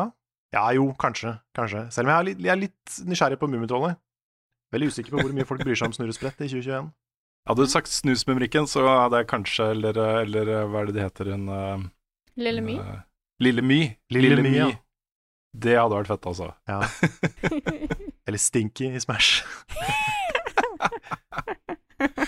Men ja, nei, da vinner Kermit. Ja. Det, ja, kanskje det var kanskje da de der gamle, de Hæ? to gamlingene som sitter oppe på balkongen. Ja. Ja. Mm. Eller, eller uh, åh, hva er det de heter, han derre. Gribben. Ja, Gribben, ja. Ja. Hmm. ja, men Meep Meep også Ja. Jeg hadde vært en kul karakter, altså. Meep Meep. Ja, meep, meep, ja. Åh, eller Meep. assist, assist trophy Hufsa. Ja. Alle bare blir for redde til å slåss. Hvorfor har du ikke en egen wildcard-kategori hvor vi kan velge inn uh, Max Mekker, eh, Karl? Nei, jeg tenkte det var litt for obvious, Ja. Mm. så jeg, jeg sto over denne gangen. Men kanskje, kanskje neste gang. Men det var da litt for å, for å markere at Smash er jo nå uh, offisielt over for en god stund. Mm. Så da tenkte jeg vi, vi kunne gi, en, uh, gi Wildcard-spalten en liten Smash-tribute. Ja, det Smash-spillet her hadde jeg spilt. Ja, same. Hva er hennes best, hvor var fredag sist? Har Carl egentlig sopp? Ukens spørsmål. Vi begynner med et spørsmål fra Magnus Siem, som spør Er det utsolgt for billetter til tiårsjubileet nå. Fant ikke lenka på Ticketmaster. Og hvis jeg har fått med meg rett, så tror jeg ikke billettene der ligger ute ennå. Nei, jeg trodde det var det, men Ja. det, det er det ikke. Ikke ennå. Nå, jeg tror de venter på litt input fra oss. At når det blir lagt ut, så ligger det også et lite miniprogram om hva som kommer til å skje uh, den kvelden. Det er vi i ferd med å ferdiggjøre, så uh, da skal vi også lage en liten trailer og eh, fronte dette her godt, da. Eh, fordi jeg tror vi har et megabra program for den kvelden. Vi har begynt å jobbe med det, og det er eh, mye på plass allerede. Det er sant. Så, så det her kommer til å bli kjempegøy også. Men det er altså da 3. november, bare holde av dagen. Um, det blir masse mimring. Eh, Det Mhm. blir noen uh, soleklare og åpenbare level up-favoritter på scenen. Eh, og det blir kos, liksom. Det blir en, en, eh, en god anledning til å liksom feire ti år med, med level up. Uh, sammen med oss og andre uh, flotte folk fra community. Så det her kommer til å bli en kjempekveld nå, det kan jeg nesten garantere. Mhm, mhm. Ja, absolutt. Bare holde datoen. 3. november. Vi regner med at det blir innslipp fra ca. fire. Uh, også at det blir liksom ting som foregår på storskjermen fra ca. fem. Eh, og at selve showet begynner ca. seks. Det er det vi har lagt opp til. da. Og at vi holder på noen timer. At det kanskje til og med blir litt nachspiel på Eldorado og sånt også i tillegg, etter showet. Hype. Mm.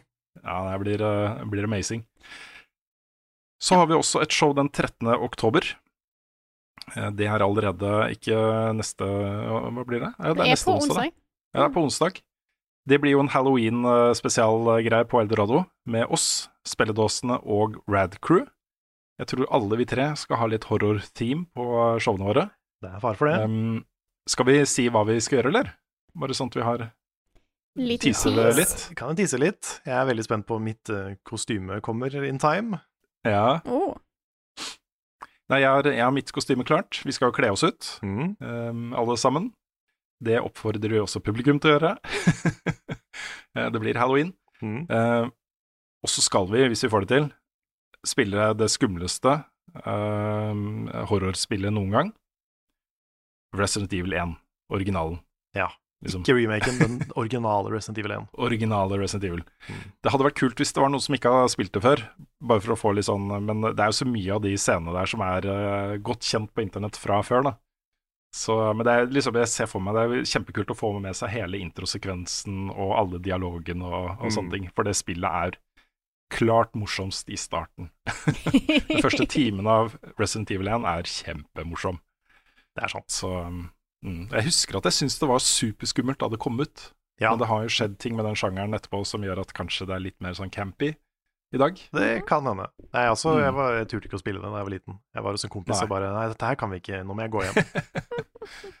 Og så skal vi ha quiz. Litt Mhm. sånn horror-quiz. Så, så det også blir gøy. Så vet jeg at både spilledåsene og Radcrew har eh, festlige ting på gang her, så eh, jeg tror det blir en bra kveld også. Det er da onsdag 13. oktober. eh, inngang fra klokka 18. Showet starter klokka 19. De billettene ligger i hvert fall ute på Ticketmaster, og der står tidene. Så gå inn på ticketmaster.no og søk opp Eldorado Live Night, så får du tak i billetter dit. Jeg tror også det er det systemet de bruker selv om du kommer i døra. At du da må gå inn på mobilen og kjøpe via Ticketmaster eh, også. Riktig. Så, så vet du det. Mm. Ok, skal vi ta et eh, nytt eh, spørsmål? Ja, Mhm. har noen av dere et eh, på lager? Jeg har et her. Ja. Mm. Det er fra Jakob. Han spør hvis dere, hvis dere fikk booste en av følgende stats i deres virkelige liv med 25% hvilken ville dere valgt? Intelligens, disiplin, karisma eller hukommelse? Disiplin. Ja, disiplin. Da hadde gjort livet mitt veldig mye lettere. Ja, det er sant. Jeg er helt ubrukelig på, på, på prokrastinering. Fy fader. Jeg synes dere svarte kjapt på den her, for jeg syns dette er veldig vanskelig. Ja. Procrastinators of the world unite Mhm. tomorrow. Yes. Men tenk på liksom, ok, hvis du kan booste intelligensen din med 25% det er ganske mye intelligens. Ja, jeg tror, Jeg Hvis du, hvis du måler det i IQ, liksom.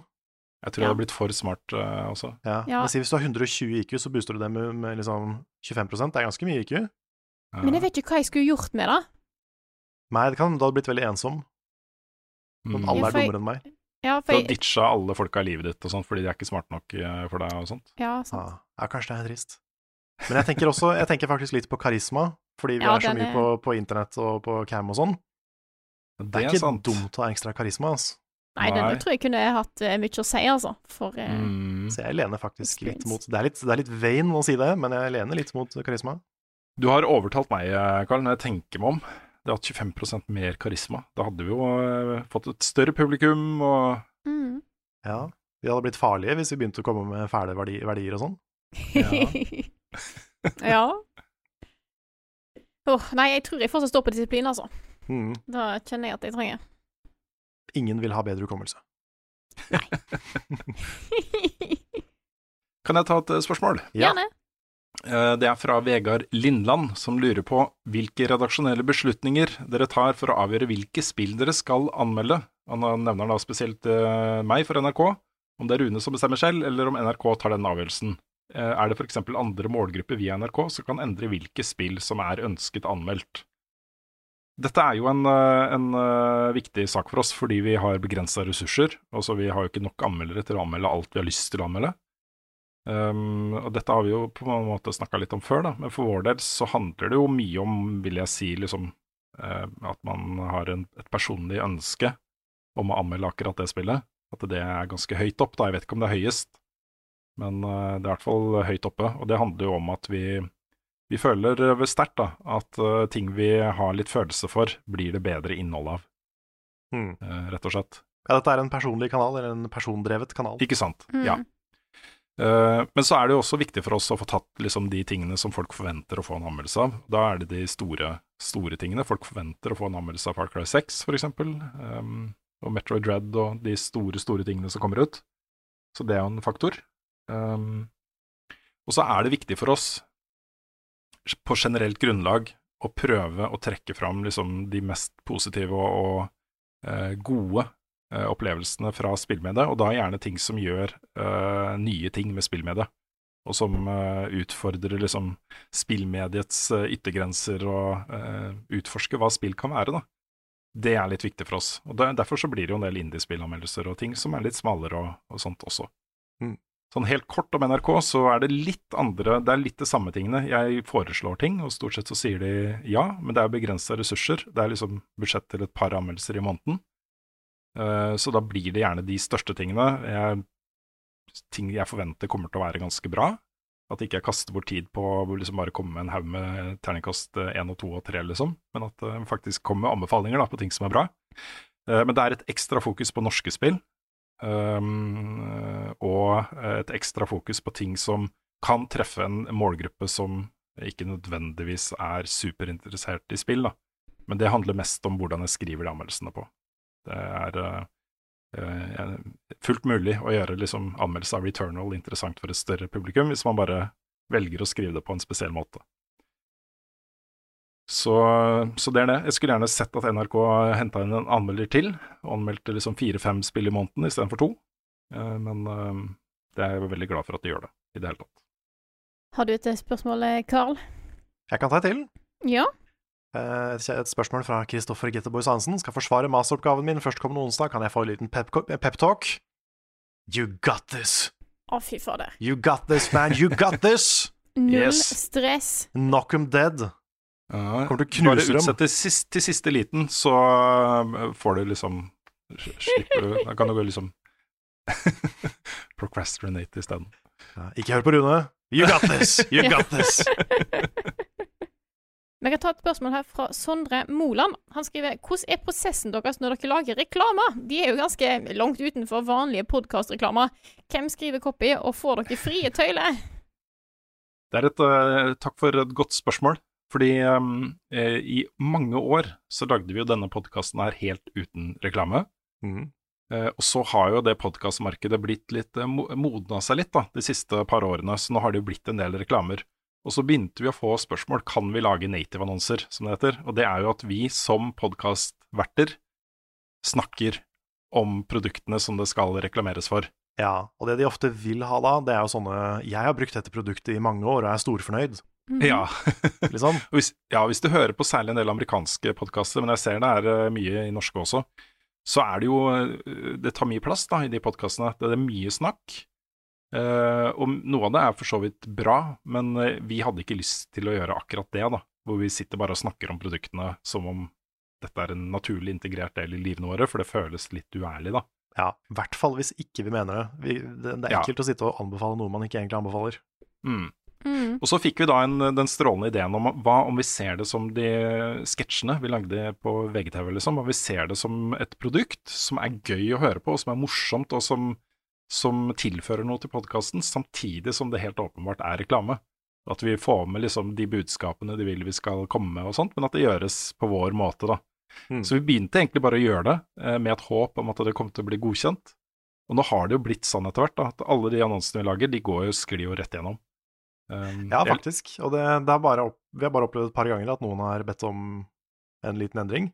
Stemmer. Men, uh, men ja. De fleste er veldig, veldig rause på det, altså. Mm. Mm. Ja, det er veldig gøy å se. Jeg, jeg, tror det er litt fordi moderne media. Det er jo de som selger disse annonsene. Vi gjør jo ingenting med det. Vi får bare en mail hvor de spør kan dere lage for sånn og sånn, og så sier vi ja eller nei. mm. vi, er, vi, har ikke sagt mye nei, vi har sagt noe nei. Det har vært uh, noe som vi har fått mer sånn sonderinger om uh, spillutviklere eller uh, spillanseringer og sånne ting, og det gjør vi ikke. Nei. nei, det er en ganske viktig regel for oss at vi ikke skal reklamere for det vi jobber redaksjonelt med. Nettopp. Så derfor så blir det jo sånne ting som Stay Hard og uh, alle de andre tingene. Man, manscaping. ja, så, sånne ting. Det er kjempegøy. Vi syns jo det er artig da å lage de annonsene. Og det er ofte du som skriver grunnmanus, Karen. Vi har liksom først kanskje litt idédrodling på hva uh, sketsjen kan være. Mm. Og så uh, lager du et forslag, og så gjør vi justeringer på det liksom, kanskje mens vi spiller inn. Og vi har, allerede, vi har til og med spilt inn en av de annonsene foran et live publikum på Patrion Q&A. Ja, det er hans. ja, det er en blanding av manus og litt uh, improvisasjon. Nettopp. Men vi har uh, som regel en idé, en grunnidé. Dette er måten vi har lyst til å gjøre det på, og så kan den liksom fylles på litt forskjellige måter. da.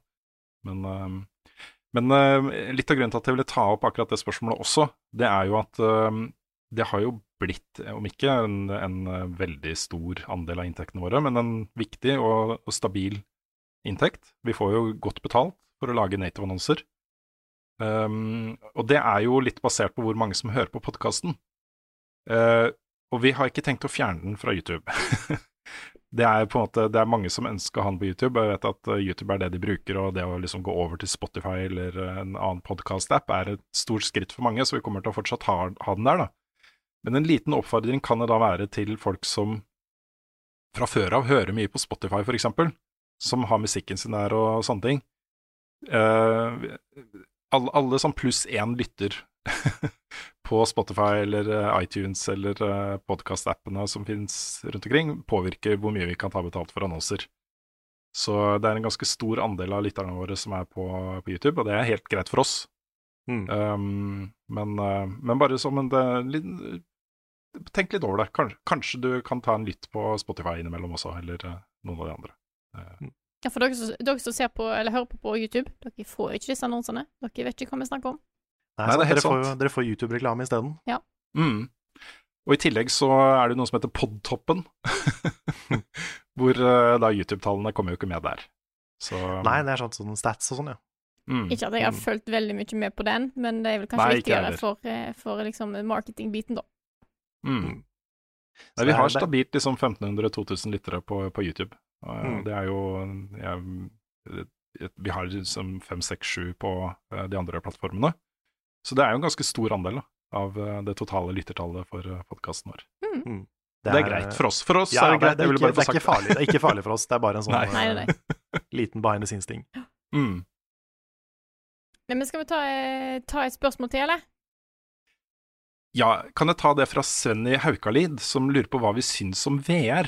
Og jeg, Grunnen til at jeg har lyst til å ta det opp, er at jeg har ikke snakka nok om det. Men i våres så fikk jeg å teste den HTC Vive Pro 2, som kom ut i juni. Og det er eh, Jeg har også testa den Steam VR som er på Eldorado. Mm. Og det er, eh, det er en stund siden jeg testa VR eh, sist. Og jeg syns nå begynner å ligne noe, altså. Sånn eh, rent kvalitetsmessig. Eh, Frameraten har eh, gått betydelig opp. Oppløsning har gått betydelig opp. Det er mindre sånn lag i bildet når man beveger seg fort og sånne ting. Det har blitt ganske bra, altså.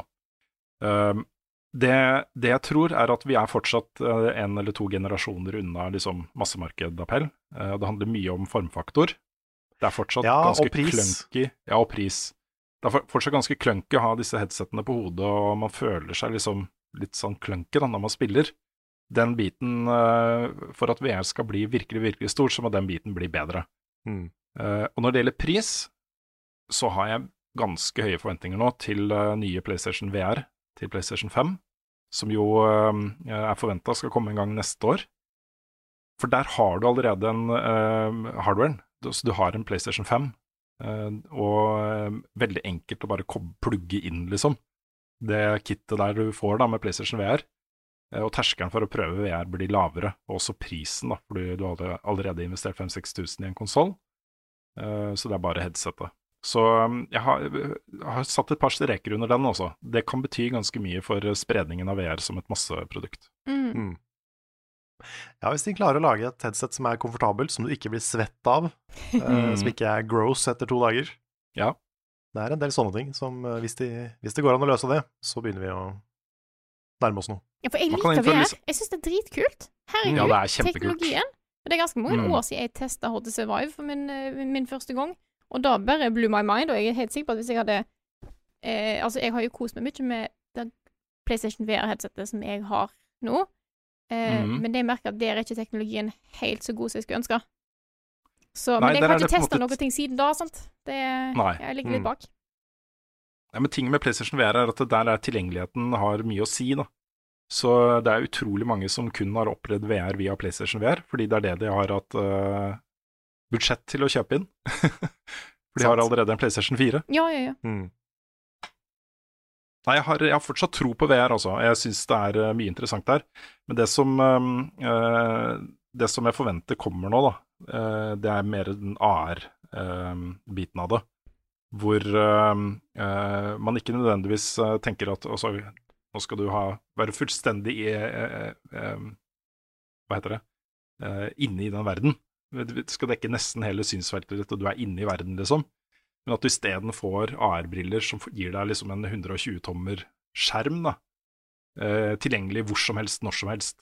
Med liksom høy oppløsning og god framerate og alle de tingene der. Det kommer også, og det er ikke så langt unna. Eh, og da begynner du å se en del kule, eh, kule greier, tror jeg. Og det- jeg er spent på hvor det går, dette her, altså. Absolutt. Mm. Veldig. Mhm. Og med det skal vi ta en runde av. Før, eh, Yes. før vi tar hele spillet på, på, på outroen her, så vil jeg nok en gang si eh, Halloween Spook Show 13. oktober. Oh yes. Og tiårsjubileum 3. november. Det blir dritgøy. Ja, det blir gøy. Begge de to showene blir kjempegøy. Ja, Det det. så, så bli med hvis du, er, hvis du er i Oslo eller i nærheten. Så, så bare bli med. Og 3. november skal streames. Ja, vi har bedt om det. Ja. Det, er- det hadde vært veldig rart hvis ikke det ble streama. Ja, så det er planen vår. Så det går an å få med seg, sjøl om en ikke er i, eh, i Oslo-området. Det er mange deler av Norge som ikke er Oslo-området. Mm. Bare Det er sant. Forbausende mye av Norge som ikke er Oslo. Åh, ja, men dette her er en podkast utgitt av moderne medier. Den heter Level Backup. Det holdt jeg nesten på å glemme å si. Eh, introen og outroen er skrevet av Ole Sønnik Larsen og arrangert og framført av Kyoshu Orkestra. Vignettene er lagd av fantastiske Martin Herfjord. For en fyr! Em, Det er mulig han eh, jobber med noe something something til eh, tiårsjubileet vårt også. Kanskje, kanskje. Du finner mye mer innhold fra oss på youtube.com slash levelupnord. Det er der du finner disse her nye anmeldelsene våre, så check look der. Eh, følg oss gjerne òg på Twitch, twitch.tv slash levelupnord, så dere kan få med når, eh, når Carl streamer spill uten musikk, blant annet. Ja. Ja. Åh, kan, jeg- kan jeg bare Den referansen, fordi jeg driver og spiller Life is Strange på Twitch. Ja. Og det har jo en sånn streamer mode som, eh, som fjerner copyright av musikk. Og den erstatter ikke musikken med noe annet. Den bare tar bort musikken og beholder lydeffektene. Så i en sånn eh, lang scene hvor hovedpersonene spiller luftgitar og bare virkelig liksom rocking out til musikk, så er det helt stille, bortsett fra liksom lyden av skoa dem som tripper rundt. Og det er så kleint! Det er så kleint! Har du sett de der videoene hvor, eh, hvor de tar liksom um, sånn Rolling Stones og David Bowie og sånt og legger på nye lyder? De bare stripper uh, musikkvideoene eh, fullstendig. Ja, ja, ja, ja, det er en-. Denne 'Dancing in the Streets' med Mick Jagger og David Ah, Bowie, f.eks. for -hmm. eksempel. Og så lager de bare lydeffekter over, liksom, så, så er det noe helt annet, da. Ja. Det føles nesten litt sånn. Det er veldig morsomt. Det er veldig morsomt. Veldig oh. memeable. Ja. Aha. Nei, hopp gjerne på discord.gg slash levelupnorge. Det er en veldig, veldig koselig plass. Eh, og vi har en shop. Levelupnorge.myspreadshop.no. Nå har jeg sjekka linken. Det er .no, ikke .com. .no Ja. er the place. Um, ja, Det er der vi bor, da. vi bor i .no. Ja, Hvem skulle trodd? som, som ikke bare er Oslo. oh, nei, men Støtt oss gjerne på Patreon, patreon.com slash levelupnorge hvis du har lyst til å hjelpe oss med å kunne fortsette med, med dette her. Det vi gjør, det vi lager anmeldelser. Hei. Hot tips der også. Mhm. Hvis du backer oss på Patreon, så vil du få en rabattkode på jubileumsshowet vårt. Så det blir eh, vesentlig billigere uh, å komme på Eldorado hvis du er Patreon-backer. Nice. Det er sant. Bra tips. Good shit. Og med det så sier jeg uh, takk for oss for denne uka her. Og så snakkes vi igjen neste uke.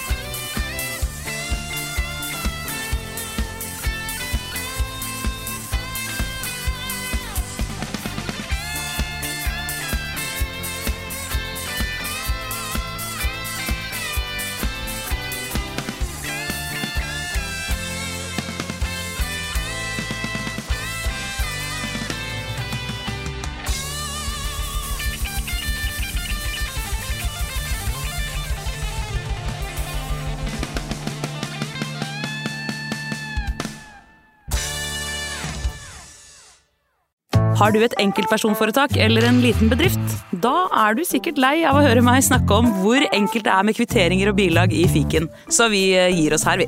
Fordi vi liker enkelt. Fiken superenkelt regnskap.